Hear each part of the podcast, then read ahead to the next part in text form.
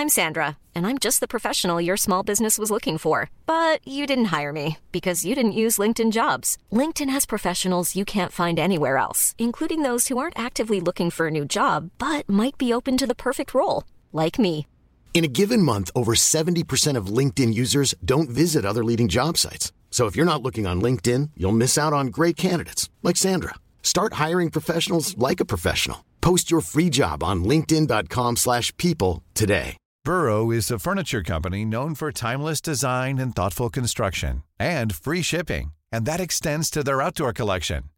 Their outdoor furniture is built to withstand the elements, featuring rust-proof stainless steel hardware, weather-ready teak, and quick-dry foam cushions. For Memorial Day, get 15% off your Burrow purchase at burrow.com slash ACAST and up to 25% off outdoor.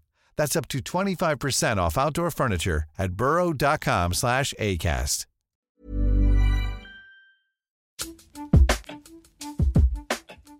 Du lyssnar på Brittas och Parisas podcast om populärkultur och aktualiteter. Idag, avsnitt 5, kommer vi avhandla alla höjdpunkterna från The Golden Globes. Vi kommer tyvärr även prata lite om R. Kelly, det aset. Och så har jag en Beyoncé-överraskning till Parisa. Välkomna!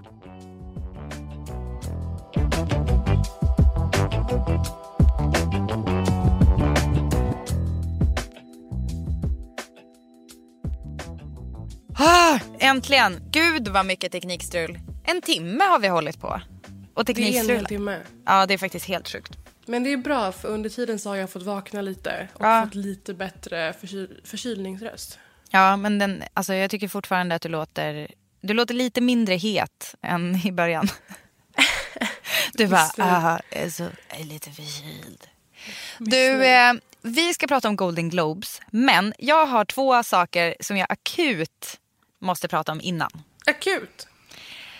Vi kanske bara först ska etablera att jag sitter i köket i New York. Klockan är nio på morgonen. Ja. Och du sitter på L-kontoret. Jag sitter på L-redaktionen på Humlegårdsgatan i Stockholm. Eh, och klockan är 15 på eftermiddagen. I Så denna du vet vad vi har tidszon. för utgångspunkt. Japp.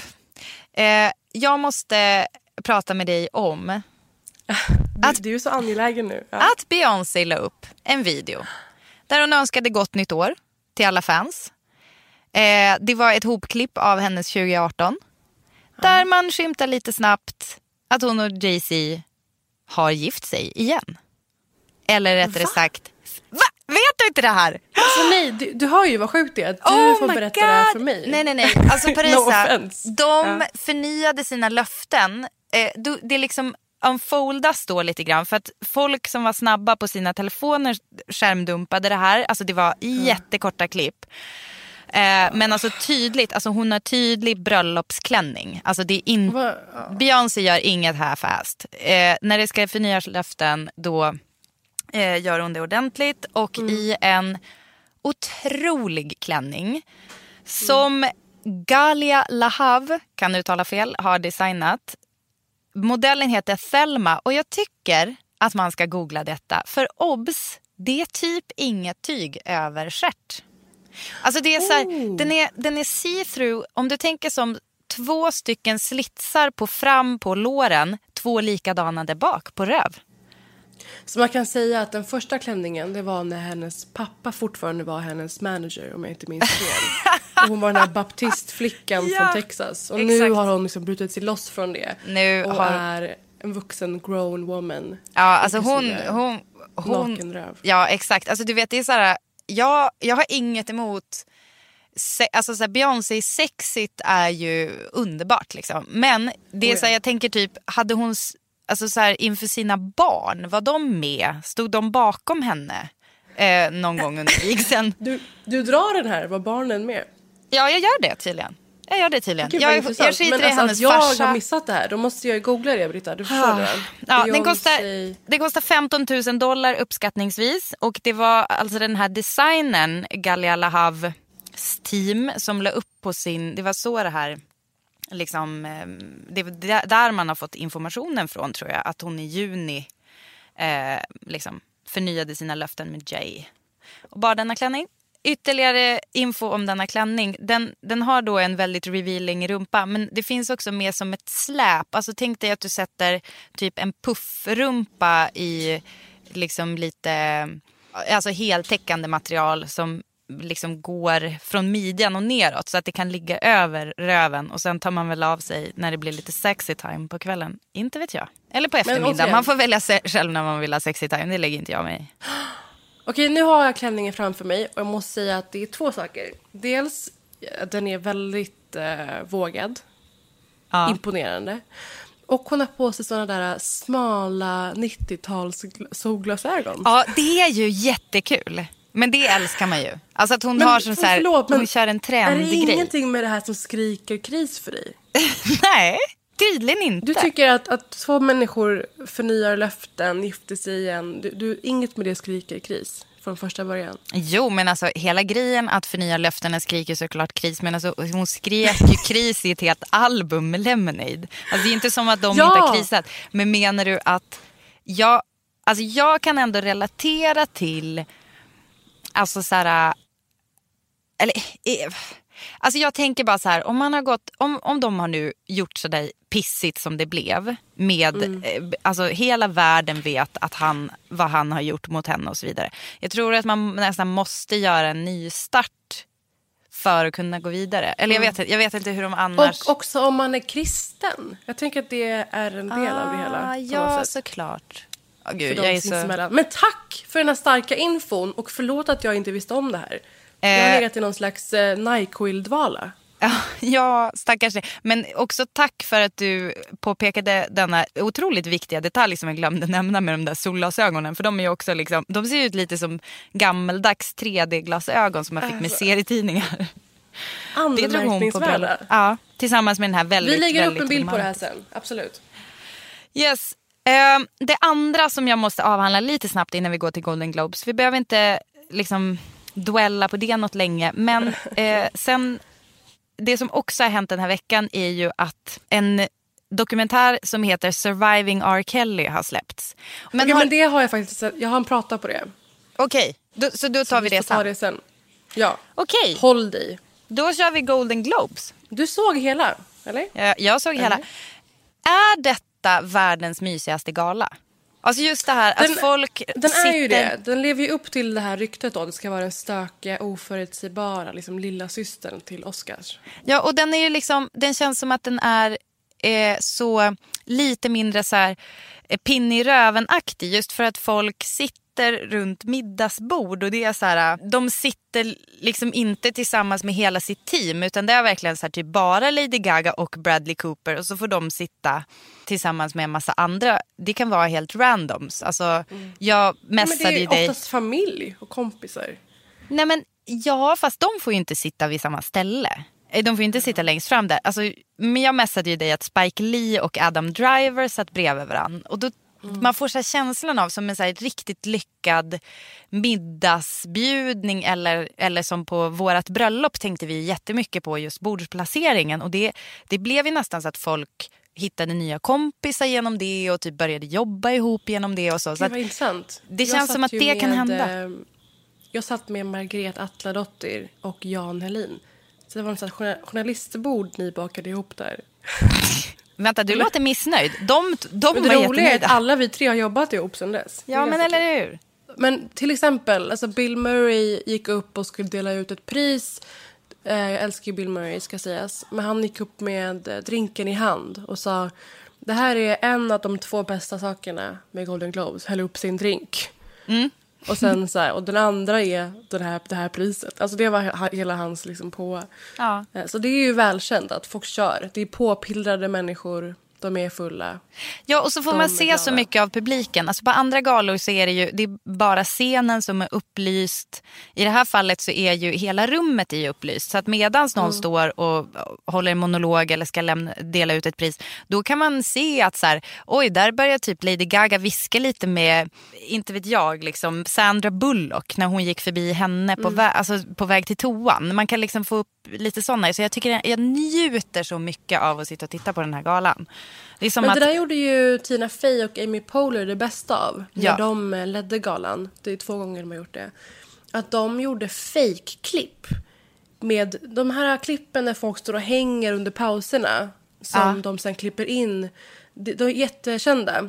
Och Amy och Tina gjorde humor av det genom att liksom förklä sig i så märkliga förklädnader och spela så manliga skådisar som stod och så gaggade med Jennifer Lawrence eller vad fan det nu är. Det är så, det är så jävla smart. Ja. Och vad tyckte du om eh, årets värdar? Jag Sandra tyckte- Oh och Andy Samberg. Jag tyckte jättemycket om dem. Alltså, jag vet jag inte. med.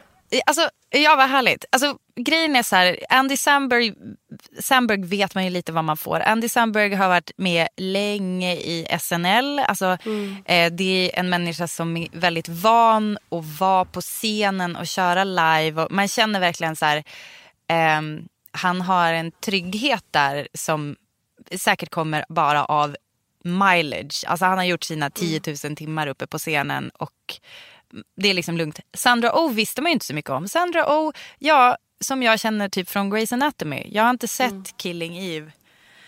Eh, Hon är så- faktiskt väldigt rolig där också. Så jag tror att hon i och med den serien har lyckats bli mer bekväm i den rollen. Men det jag tänkte på att jag har fått försvara de två eh, tre, fyra gånger sedan galan var. Va? Är det sant? Va? I, vänta, sagt att det var så jävla tråkigt Men det är ro- och blasé. jag måste bara säga, det är det är kul också. För jag kan liksom inte tänka i vilka sammanhang du ens stöter på folk där Va? du måste försvara. Ja men förstår du? Alltså så här, jag har inte Alltså det, okej, det mesta har varit på Instagram DM. Men Ah, okej. även in person. Att folk har varit så här, nej men det var så jävla platt. Och vet du vad? Jag tycker, jag ska berätta det här. De gjorde ju en sorts radikal snällhetshumor. De, istället för att roasta, som Ricky Gervais har blivit eh, känd för att göra på Golden Globes, så körde de någon slags inverterad roast. Att de eh, drev om hur snygga och framgångsrika och underbara folk är.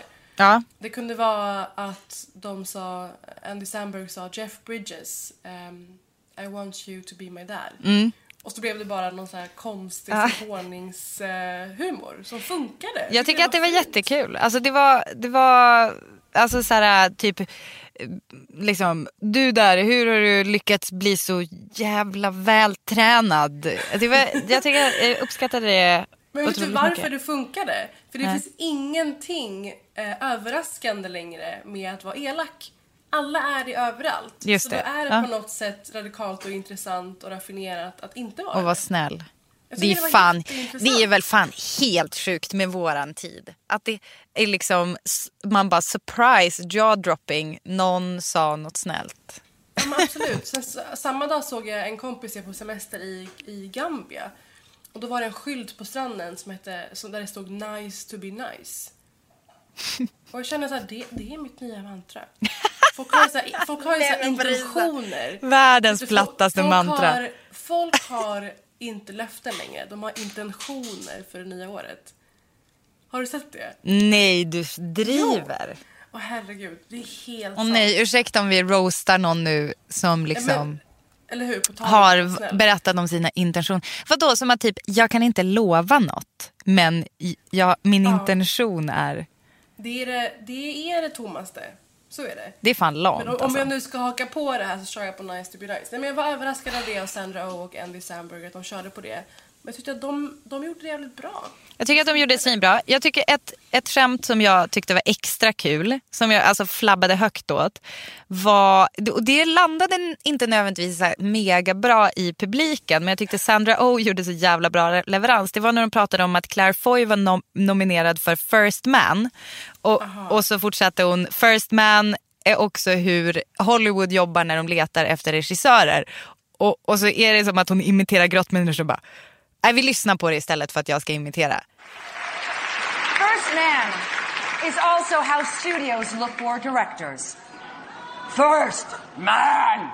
If no man available, then pair of man. Then team of man. Then eventually, maybe woman? First man, then pair of men. jag, jag tyckte det var svinkul i alla fall. Men vi, återigen, varför det funkar är för att Sandra Oh själv skrattade och fnissade när hon sa det här. Det kändes som en rolig konversation. Ja, det var och kul monolog. Ja, det var Ja. kul. Jag var jätteglatt överraskad. Sen var det lite pliktskyldigt där i monologen när Sandra Oh skulle i den här fnissiga stämningen kila in någon kommentar om ehm, mångfald. Tyckte du, ja det är kul att du ser det som pliktskyldigt. Jag bara, det var ju fint och fick... Ja, men det var, det var ganska ihåligt gjort. Det är, så, det är så fint att få stå här uppe och se er. Nu får alla se er. Så här lät det. I wanted to be here to look out into this audience and witness this moment of change. And I see you. All these faces of change. And now, so will everyone else. Ja men, Men och sen vad fan, ja men inte vet jag. Alltså om man, så här, sitter hennes mamma och pappa där liksom. Från, Jag skulle precis säga det. Hjärtat sprack. Ja. Det var så gulligt. Ja. Det var det gulligt. kändes genuint. Roligast pri, prisutdelare, har vi några budar Paris Amiri? En sak om det, eller re- relaterat till det. Det kändes som att Black Panther-gänget gick upp och ehm, gjorde det här Forever Wakanda-tecknet. När de korsar armarna över bröstet och sa Forever Wakanda. På ett sätt som var så här, snälla kan vi inte behöva göra det här resten av våra liv. Men man vet ju att de kommer ju stå på så här mässor, fanmässor och sånt resten av sina liv och köra Och snälla låt dem slippa. Ja, Nej, men de såg så ovilliga ut. ja det var inte Jag- glada jag ögon. reagerade starkt på det. Men, och det bästa från utdelarna var ju Maya Rudolph. Ja, det var det. Ja, det var det. Och de var så underbara. Och apropå det här med Andy Samberg och att man märker så här folk som jobbar mycket med improvisation och som står mycket på scenen och så här. Alltså det, det känns som att de kan göra vad fan som helst och bara lirar in i varandra. Alltså underbart och de bara höll låda. Och De höll låda. De Det borde var, ju kanske... Det var som att de var så bekväma på den där scenen. Det var inte en tanke i dem att så här, undra om det här är kul för någon. Nej, det sket ju de i. I'm so sorry, guys, but I just, I, ha- I have to do this.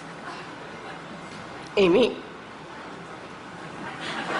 you're the love of my life. No. No, Maya. Always been there for me. What are you doing? Oh my god, what are you doing? Amy Geraldine Polar. Mm, Will you, will you marry me? What? Oh my god, I cannot believe you're doing this. Are we stealing focus away from the next award? Don't worry. It's just best screenplay. Yes! Yes! A thousand times yes. Det känns som att de gjorde det för att underhålla sig själva. Ja. Men det var som ett, eh, de, de drev med det här att folk eh, passar på att fria till eh, ja, folk som de antagligen är ihop med. Ja, men- galor. Ja, det var väl framförallt ett frieri som vi särskilt minns. Som, fast jag kommer inte ihåg vilken gala det var nu. Kan du det, Uppslagsverket? Det var nog Oscarsgalan faktiskt. Ja. Och, men då var det ju en man som precis hade vunnit. Ja, De, de drev ju med att folk går upp och ska dela ut ett pris och då liksom drar fokus från det pris de faktiskt delar ut Jo, det ja. och friar till varandra. Och vi fick ett nästan hångel me- mellan Maja och eh, Amy. Ja. var folk väldigt besvikna för att de inte var bjöd på ett redigt hångel på scen. Nej men alltså. Jag tyckte det var underbart att Maya Rudolph gjorde signature move att bara sätta handen över hela ansiktet på, alltså den, den där, åh, jag är så nära dig fast jag vill också trycka ner dig på något sätt. Alltså det är sådär, grabbar hela facet med handflatan. Det, jag Ja, njöt. nej, men det var fantastiskt. Och det fick ju folk återigen att börja vråla om att de två borde leda Oscars. Oscars står ju utan eh, värd. Ja, hur många veckor Kevin kvar Hart, är det? Hade några homofobiska tweets som blev hittade på nätet. Och nu är det inte långt kvar till det. Det är ju 22 februari har jag för mig, Oscars. Så stressigt. Ja, jag tycker de Så borde stressigt. leda Oscarsgalan. Jag, jag tycker också det. Sån är jag, men jag är också en sån som tycker typ att Oprah borde bli president. Jag är så jävla...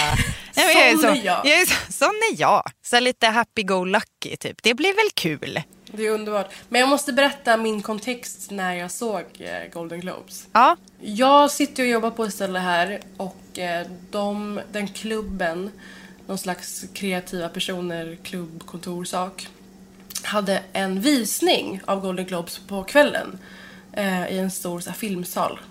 Så då gick jag dit, en stor skärm, tänkte gud vad skönt kan jag kanske dricka ett glas vin. Man bara, Vänta. sjuk person. Men, Vänta, Parisa, Ja. ursäkta. Tänker du kalla det för en stor lokal bara fast det var Soho House? Men det är ju vad det är. Ja men, det är väl ändå information som lyssnarna uppskattar?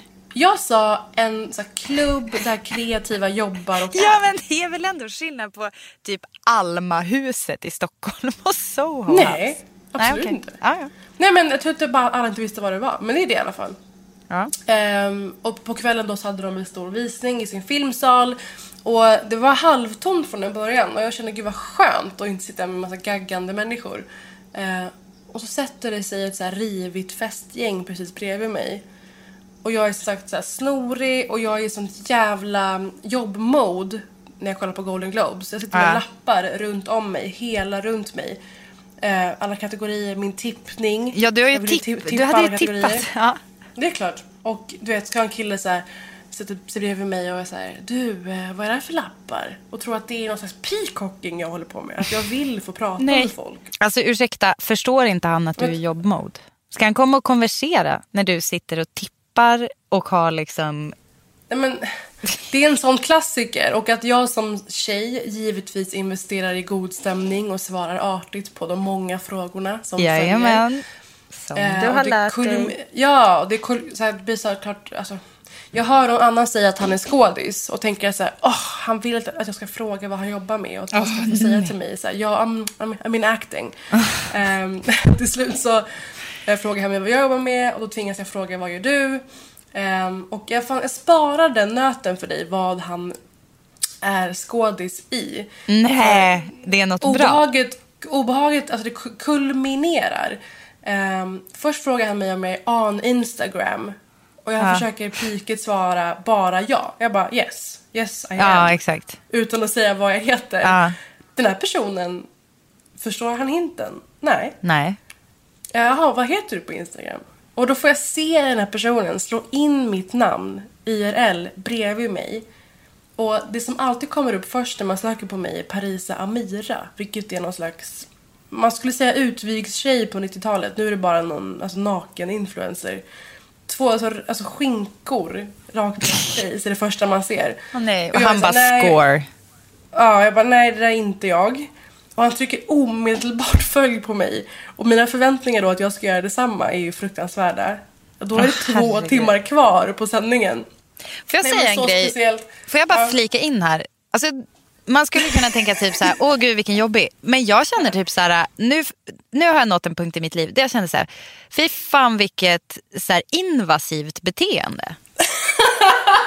Nej men alltså, kan, alltså hur kan man ha så jävla, eh, hur kan man ta så mycket utrymme hos en annan person? Men vet du vad det är? Att vara så icke självkritisk. Ja. Eh, nu är det här rakt emot så här, nice to be nice och så här, self-love-budskapet. Ja, ja. Men till viss del handlar det också om att bry sig om andra människor. Nej men det fortsätter. Och det blir värre när alltså Carol Burnett, en Mm. så här komedilegend, fick ta emot det första priset som nu kommer vara döpt efter henne. Ehm, för Outstanding Legendary Lifetime Achievement in TV. Och det har funnits inom film i massa år, men nu finns det inom tv också. Och då drog hon en grej som var liksom en peak mot det nya landskapet av reboots, att man bara återupplivar gamla tv-format och att så här, så var det inte på hennes tid, tur det.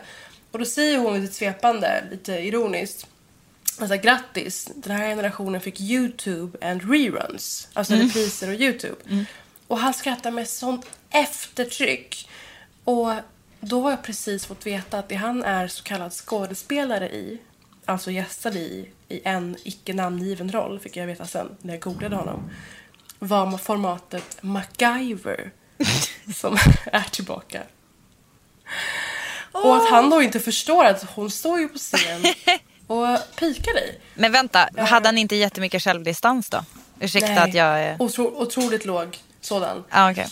Det fortsätter. Han liksom, när det var så tal om feminism eller jämställdhet, då skulle han applådera med eftertryck. Som du vet slow clap som var såhär, fy fan vad rätt. Han bara, I den här älskar. Älskar med tjejer. elv, elva personer sitter i den här salen. Då ska han liksom förstärka den här känslan i vår sal med sin applåd. Eh, och han, jag är helt säker på att han vid ett tillfälle googlade vad man talar för språk i Iran. Efter att han frågat mig var jag kommer ifrån och jag tvingades säga Iran. För att plötsligt sitter han med så mobilen vänd mot sig. Och det är en sån grej som killar gör som de tror att ingen märker att de gör. När de Ja. liksom ska gömma sin skärm. eh, Ja, och efter den här gömskärmningen så kommer frågan So do you speak farsi? Som att jag ska bli helt överväldigad av att han kan vilket språk 80 miljoner människor talar nu och gjort i tusen år. Eh, men alltså det var otroligt pinsamt verkligen. Och, men kul liksom addering. För då fick jag ju en del av det där, så här glättiga Hollywood-människosaken precis bredvid mig i stolen. Eh, jag går in på hans Instagram och skrattar ibland. Det är det som det här har gett mig. Kan, alltså, det, och det är nu du outar vad han heter på Instagram. Alltså, våra lyssnare kan gå in och inte, för kika. Tänk, han följer mig nu. Tänk om han liksom Märker. in och lyssnar för att få, hoppas få höra sitt namn eller någonting. Han kommer ju höra MacGyver. Då kommer han få sin jävla... Eller har Nej, då kommer, ja, men han kommer inte fatta. Han bara, åh vad kul att hon har googlat mig.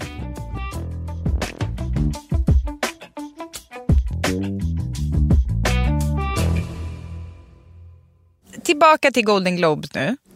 Eh, Tacktal. Jag vet att du har ett tacktal som du vill lyfta. Jag tänker bara lite kort nämna Glenn Close. Jag tycker det var jävligt bra när hon eh, började snacka om sin mamma och att hennes mamma typ levt för hennes farsa hela sitt liv. Och jag tycker att vi lyssnar på när Glenn Close säger det. But anyway, I, you know, to play a character is so internal, and um, I'm thinking of my mom, who really sublimated herself to my father her whole life. And in her 80s, she said to me, I feel I haven't accomplished, accomplished anything. And it was so not right. And um, I feel what I've learned through this whole experience is that, you know, women, we're, we're nurturers. That, that's what's expected of us. We have our children, we have our husbands if we're lucky enough, and our partners, whoever. But we have to find personal fulfillment. We have to fill our, you know, follow our dreams. Och då menar jag den biten när hon säger att kvinnor måste hitta sin egen fulfillment i livet. Och Det var typ citerat i DN och då var det så här, hon tyckte att kvinnor vi måste våga följa våra egna drömmar. Men det jag tycker är viktigt med det där, det är just det hon säger att så här, kvinnor, vi är nurturers.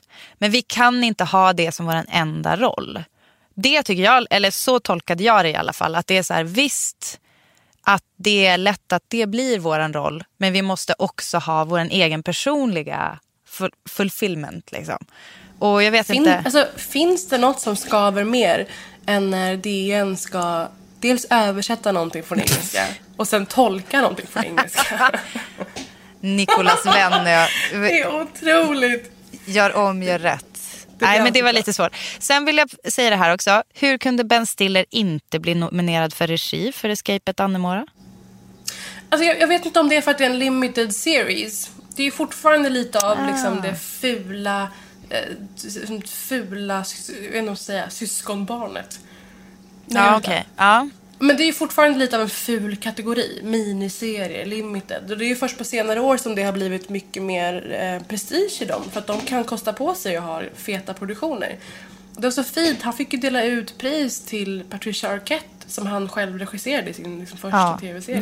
Det var enormt fint. Och hon lyfte ju honom också väldigt mycket. Att hans regi, hon bara gud, alltså alla skådisar där ute. Ben Stiller som regissör, han är så generös och bla bla bla. Alltså det var verkligen, eller jag, jag kanske hittade på att hon sa generös. Men hon, hon fick alla i rummet att förstå och också oss där hemma att Ben Stiller på något sätt är liksom helt magisk att jobba med som, som skådis. Så det, eh, jag vet inte, det var bara kul att höra. Det är så jävla roligt att han har liksom den rollen nu.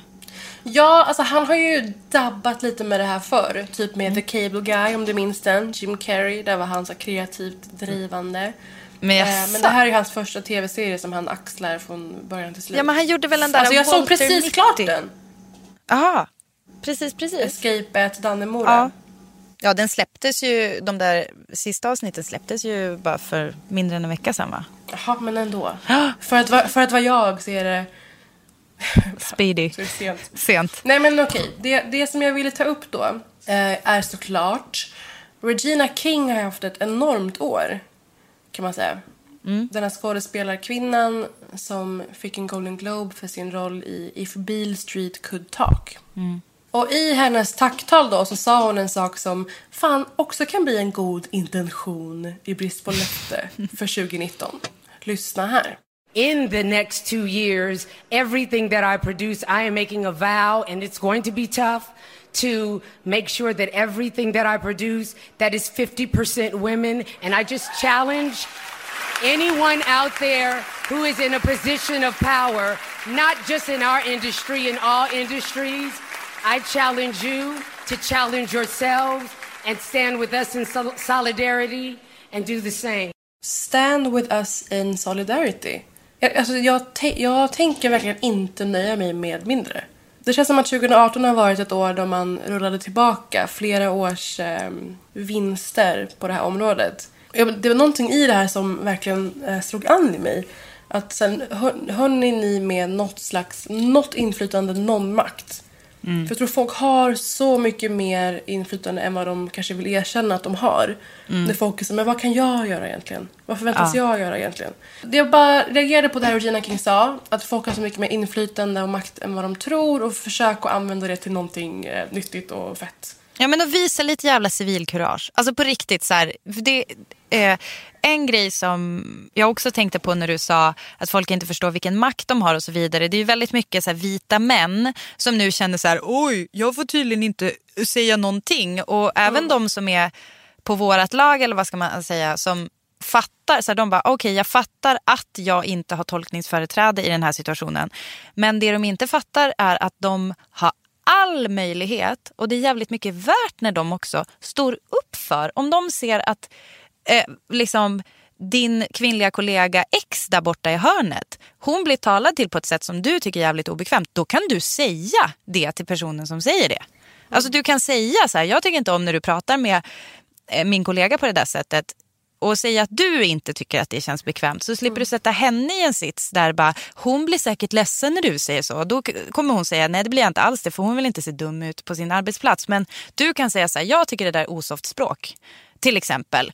Eller så här, nu, så här, det där var inte soft sagt om den där personen. Och det, folk är så jävla spineless ibland. Alltså, det, så här, det är jävligt jobbigt. Jag hade ju så här, konfrontation med en tantrasist inne på en sushi, ett sushiställe i Hagsätra. Eh, där, och det, var, det, var, det blev jätteobekvämt. Jag var med min svärmor och det var en kvinna som jobbade på sushi-restaurangen som fick en utskällning för att hon inte kunde svenska. Och jag, alltså grejen är så här, jag försöker berätta om den här situationen inte för att typ, Åh, för jag var så jävla bra och nu får jag en guldstjärna i himlen. Utan för att så här, det är fett obekvämt. Jag blir inte heller så vältalig i situationer där jag, blir, där jag får typ hamnar i affekt och blir liksom upprörd på riktigt. Men det känns mycket bättre efteråt än att vara den som satt och höll käften. Men fan vill Eller vara- ännu värre, den som ah, alltså, ryggdunkade. skrattade, höll med. Ja. Jag vet inte fan vad vad det är som pågår.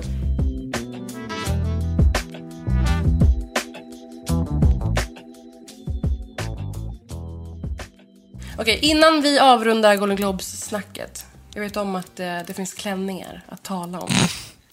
Hur mycket utrymme har du för att jag pratar klänningar? Vill du liksom att jag narrow it down till mina tre, fyra, kanske fem favoriter? Eller får Alltså, jag, liksom dra tror att det mina är olika bäst kategorier? För att jag, jag inte ska zona ut bara. Ja, det är det jag frågar. Hur är ditt attention span? Jag kan kosta på mig tre, fyra. Okej, okej. Lady Gaga absolut. Valentino var inte tråkigt på henne. Alltså hon är Alltså en gigantisk. blå frozen-look. Ja, fast alltså, det var ju mer... Det var ju inte fro- alltså, när du säger Frozen då, då snöar jag in på liksom alptemat. Utan det här var ju liksom en väldigt puffig med släp, väldigt så klassisk Hollywood-glamour tycker jag. Och så är hon så, hon är ju Lady Gaga så då har hon ju liksom håret i samma färg. Vilket var sjukt. Hon har en jättekonstig frisyr eh, som jag satt och tittade på jättelänge. Men, Fast det älskade jag, att hon inte körde någon jävla basic eh, stil. ja, men För hon kan ju inte köra folk- basic, gumman. Nej men hon kan ju inte det, hon borde Nej. inte det. Hon Nej. körde ju någon sån grej med sin förra skiva, att hon kom ut och hade på sig jeansshorts och hatt och skulle liksom tona ner sig. Skit i det. Skit i hon det. älskar den här skiten. Eh, Gemma Chan som också är en av de stora eh, stjärnorna från Crazy Rich Mm. Asians. Hon hade också Valentino och hon gjorde det också otroligt bra, otroligt elegant klänning. Eh, sen så skulle jag vilja säga att Sandra Oh körde ju rakt igenom en riktigt stark klänningsfest på hela galan. Eh, hon har också blivit röstad på flera ställen på internet som liksom den best dressed host of all times. Typ. Alltså hon körde riktigt starkt. Hon bar en Stella McCart på röda mattan. Den var helt otrolig. En vit sak med puff. Men jag skulle vilja säga, om jag bara får utnyttja min lilla, lilla stund eh, innan du zonar ut. Rachel Weisz i Celine. För det var faktiskt ganska kul att det var Celine för att Celine har ju bytt eh, chefsdesigner då till Hedi Sliman och många har ju blivit, pa- fått panik över det och eh, hashtaggar old Celine på Instagram och så vidare. Att det är så här gamla Celine. Och vad ska han nu göra med Celine? Och det fanns en röda mattan klänning som var guldig och väldigt Hedi Slimanig som jag inte tyckte var fin. Men Rachel Weisz hade en svart grej med ett stort vitt puff runt som jag tycker var fantastisk. Eh, och eh, om jag får nämna en till så skulle jag också vilja säga Rosamund Pike som bar Givenchy. Såg du henne? Det är liksom en sån klänning som jag typ själv skulle vilja haft. Den var Det svart. ser ut som en sån här cut-out baddräkt. Ja, eller? exakt. En cut-out baddräkt fast en klänning. Du hör ju hur underbart det är. Och så hade Ja. hon en liten, slängd över axlarna, en liten typ så här, mot MC-jacka i glitter. Ja, den var faktiskt fantastisk. Och Halle Berry, Issu Murad, röd sak, Fan, fantastisk. nu slår det mig att nästa vecka är Ellegalan som jag och Britta kommer vara på Jajamän. i Stockholm. Och då kanske vi också har på oss Givenchy. Ah, Eller. Celine. Det vet man inte. Jag har faktiskt idag redan gjort lite preparation inför Ellegalan. Jag var precis hos hudpersonen Anna Ståler på Serenity hudvård. Alltså, och sök er till henne. Hon är det mysigaste. Du ser min hy är liksom helt fantastisk. Ehm, så det börjar ju redan nu Parisa. Alltså förberedelserna. Alltså gud vad jag inte har börjat nu. Jag, jag har liksom idomin i hela ansiktet. Det är så jävla sjukt. Men det är väl jag, ser, jag ser fram emot att bli vrålsnygg nästa vecka. Jag behöver det verkligen. Ja, då ska du få gå till Anna. Hon är, hon är fantastisk. Ja, men, eh, jag har faktiskt fått lite C-vitaminkapslar med mig hem. Och, så det blir, ja det börjar redan nu. Men jag har fått så himla så här, sinnessjuk hy på sistone. Av det här jävla jullovet. Eh, ja, men okej, då, då får jag inte säga något mer om klänningarna. Förutom kanske eh, Se- Saoirse Ronan. Hur säger vi det? Lady Bird. Cersei. Cersei. Ja, hon bar en Gucci-klänning som var fantastisk. Men du måste ju berätta någonting om den. Det är ju ett icke-visuellt medium. Det var som en ringbrynja. Det var som Det var som en ringbrynja fast den var också som att den knappt var där. Alltså det var som ett andra skinn fast i kedjor. Nej, den var otrolig. Väldigt var- talande för patriarkatet i form av vad kvinnor ska ha på sig. Men Tycker nog om det. Nej men alltså Elgala, jag är så peppad på att vi återigen ska gå på Elgala tillsammans. Eh, det är, alltså när nästa podd släpps så är vi på Elgalan typ. Nej, den här släpps den här veckan på fredag. Ja, när nästa podd släpps. Ja, exakt. Så vi hinner nu. prata hela nästa avsnitt om Elgala. Nej men lite Elgala kommer det nog bli i nästa avsnitt. Eh, men jag kommer, alltså jag kan säga det här om Elgalan. Jag kommer Mm. ha en klänning som är lite Jeanne d'Arc inspirerad. Åh jävlar, brinner Ja. du när du har på dig den här? Alltså, typ. Nej men det är inte, alltså det, jag kommer inte Fråga, köra en J-Law i Hunger fett. Games. Det skulle vara så jävla Om fett jag om du kom in... Nej, om Och du tände kom eld på in som en tribute till alla häxor som har brunnit. Ja. Eller Jean d'Arc som fick brinna på bål. Ja. Du kommer in där liksom med papier-maché-lågor. Ja. Som en kommentar. Någon kanske kommer ha det nästa vecka, det vet vi inte. Alltså fan ingen, ingen får sno den här looken. Ja det skulle vara du i så fall. Mm. Eh, ja, men det blir faktiskt fantastiskt. Jag ser fram emot det. Och det är alltid så jäkla god mat. Det fattar man kanske inte. Elgala, man får mat otroligt sent. Men damn, det är en bra buffé alltså. Men oss emellan, det var något år det var dåligt. Och jag hoppas de har tagit tillbaka den asiatiska buffén. För det är fan... Det är den asiatiska.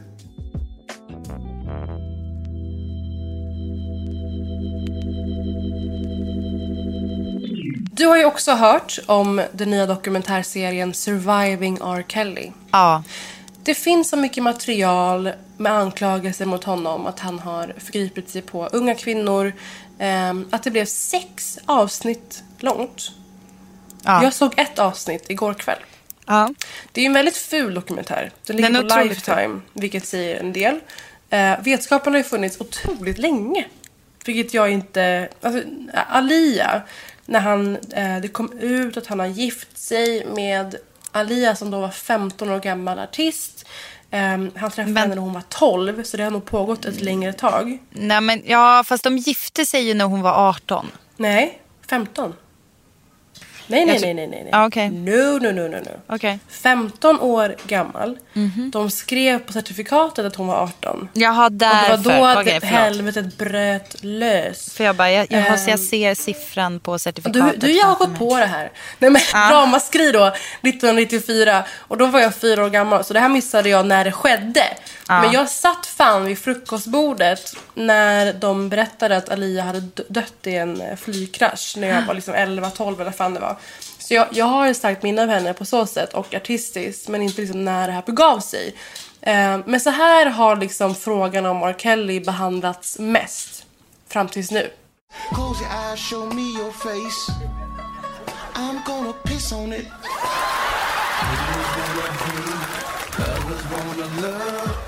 Britta, känner du igen det här? Alltså är det typ så här hidden plant, nej vad- inte, vad heter de, forbidden island, nej. Eller hur? Det- är Dave Chappelles gamla legendariska sketch där han gör en fake musikvideo. Ehm, det är när sextejpet har släppts. Och man kan säga sextejp, det är ett jävla övergreppstejp. Där R. Kelly kissar en ung tjej i munnen. Ehm, och det här har ju mest drivits med i alla år. Alla har vetat om det. Men just för att Alltså det är, faktiskt helt sjukt. Alltså när, Ja. man, när man har kollat på, för att jag, eh, eftersom jag bor i det här landet eh, så har jag inte lyckats hitta något sätt att punka datorn Mm. tillräckligt för att se hela. Men jag har sett liksom, eh, utklipp ur det. Så jag har liksom pusslat Mm. ihop i hjärnan och suttit och kollat. Alltså folk är ju, det är inte bara, alltså man bara, ah han gillar att pissa på folk. Det var ju typ det, man bara okej, det Vissa har vissa böjelser. Nej, men alltså, han har ju hållit folk mer eller mindre fångna hemma. Exakt. De har inte fått prata med närstående. De har inte fått, de, om de har suttit i ett rum, och jag säger de, för det är flera, flera, flera kvinnor. Jag tror de har gjort 50 intervjuer för den här eh, dokumentären. De berättar ju saker om att de har suttit och, i ett rum och någon har frågat om något och sen har de inte fått svara på det. För R. Kelly måste godkänna vem man svarar till eller inte. Det är faktiskt helt sjukt. I felt like a prisoner. I started to believe that I was nothing without Rob. Brainwashed, yes, absolutely. Mental and physical abuse. I finally realized it doesn't get better, it gets worse. Surviving R. Kelly. Ja, så vi, vi pratar alltså en slags sexsekt. Att han har håll- hållit tjejer under en sorts husarrest, varit otroligt kontrollerande. Fysiska övergrepp, psykiska övergrepp. Och det finns några otroligt intressanta aspekter här. Ehm, det är många oseriösa med i dokumentären, typ Wendy Williams. En så här ökänd talkshow-host här i USA som de kunde ha skitit i egentligen. Men framför allt så här, eh, respekterade artister som John Legend är med och styrker olika vittnesmål. Ja, jag ser din reaktion. Det är starkt. Eh, och han har twittrat så här. To everyone telling me how courageous I am for appearing in the do- documentary, it didn't feel risky at all. I believe these women and I don't give a fuck about protecting a serial child rapist. Easy decision. Fick du gåshud? Ja. Alltså på tal om att sol- solidarisera sig, att vara en allierad person. Ja! Det är exakt det. Alltså vad fan, och sen samtidigt, vad fan har John Legend att riskera? Alltså varför är det modigt av honom? Ursäkta. Men alltså han har inte så jävla mycket och... Alltså, Fast han vet har du ju... vad?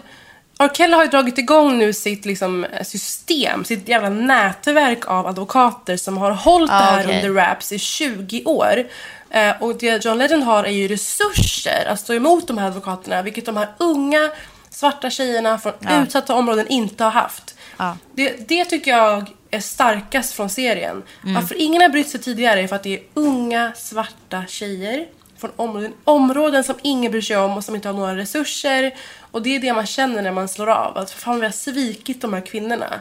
Ja. Och jag tror också så här, det finns en omvänd aspekt av det här. Många säger att så här, det som har gjort att R. Kelly har haft kvar sin fanbase är argumentet att han blir hårdare dömd för att han är en svart man, framgångsrik svart man. Och må- många vill se honom bli störtad då. Ehm, och jag tror att efter det här året nu med metoo vi har sett eh, Harvey Weinstein, väldigt mäktig man, eh, fällas, Louis CK och allt vad det är. Så eh, som funkar inte det argumentet längre. Och jag tror att vi kommer se riktig verkan av, av den här dokumentären. Mm. Men som sagt, R. Kelly har gått ut redan och så här, han ska ha en hemsida uppe idag som kommer heta Surviving Lies. Det här kommer svartmåla alla som är med i dokumentären. Han kommer bussa sina advokater på alla som är med i dokumentären. Och eh, alltså håll koll på det här och försök att se dokumentären för att den är intressant också i form av vad som har gjort att kvinnor, många kvinnor inte säger någonting. För de tror att det är deras fel. Mm. Att de har ini- initierat någonting. De skäms inför sina familjer. Ja. Den, är, den är skitstark. Nej men alltså, och, alltså, vi, alltså grejen är så här, alltså jag har ju tittat också, jag såg också på hans före detta fru, alltså Dre Kelly som han var gift med och har barn med. Mm. Eh, hon, en intervju med henne på The View. Eh, underbart program. Ja, nej, men, The View eh, är inspirationen till den här podden. Exakt, alltså 100%. Men grejen är den att, alltså, du vet bara så hur hon berättar att han bara säger så här, eh, eller om det var hon eller någon annan, men så här, ingen annan älskar dig förutom jag. Alltså så här, Mm. vad ska du göra? Du har inget utan mig. Det, är- alltså, du vet, och det är ditt fel. Och det är därför, alltså det är sån total så här, bryta ner en person och det är så jävla knäckande när hon säger, och jag vet inte om det kommer fram i den här dokumentären, men hon säger Mm. att när hennes dotter eh, säger till R. Kelly, alltså såhär daddy why are you so mad at mommy, why you talk to her like that typ. Alltså det är så knäckande så att det är helt sinnessjukt. Hon försökte ta livet av sig. Hon berättar hur hon står så här på balkongen och så sen så tänker hon hur det skulle vara om hennes barn ska vara utan henne. För att han har, alltså det var där typ hennes vändpunkt hon kunde dra. Men eh, jag tycker liksom att det är så jävla, allting agerar ju också väldigt mycket. Jag har ju kompisar som jobbar med så här typ utsatta kvinnor och sånt i så här våldsamma relationer och sånt. Alltså det är väldigt mycket, alltså det är så otroligt typisk retorik. Alltså så här, det är Det är ju by the det- book. Ja. Det är iso- isolering, kontrollering, det är gaslighting, att underminera någons kritik eller när någon försöker säga emot. Ehm, allt följer reglerna och om någon lyssnar på det här och känner igen sig så finns det jättemånga stödlinjer och så vidare. Jag tycker man ska ringa Kvinnofridslinjen till exempel som är 020 50 50 50. Den är öppen dygnet runt. Du behöver inte säga vad du heter eller någonting sånt där. Eh, men sen så finns det ju massa andra sätt att få stöd. Eh, framförallt prata med någon bara.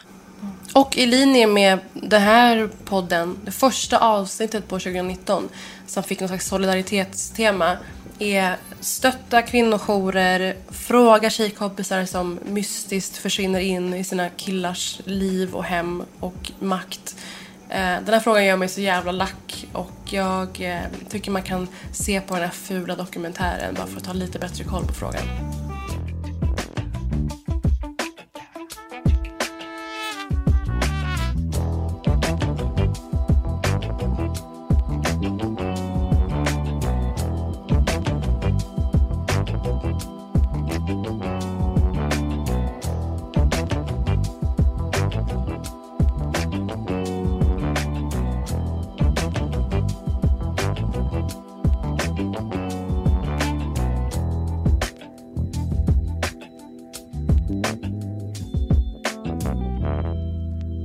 En podd från L.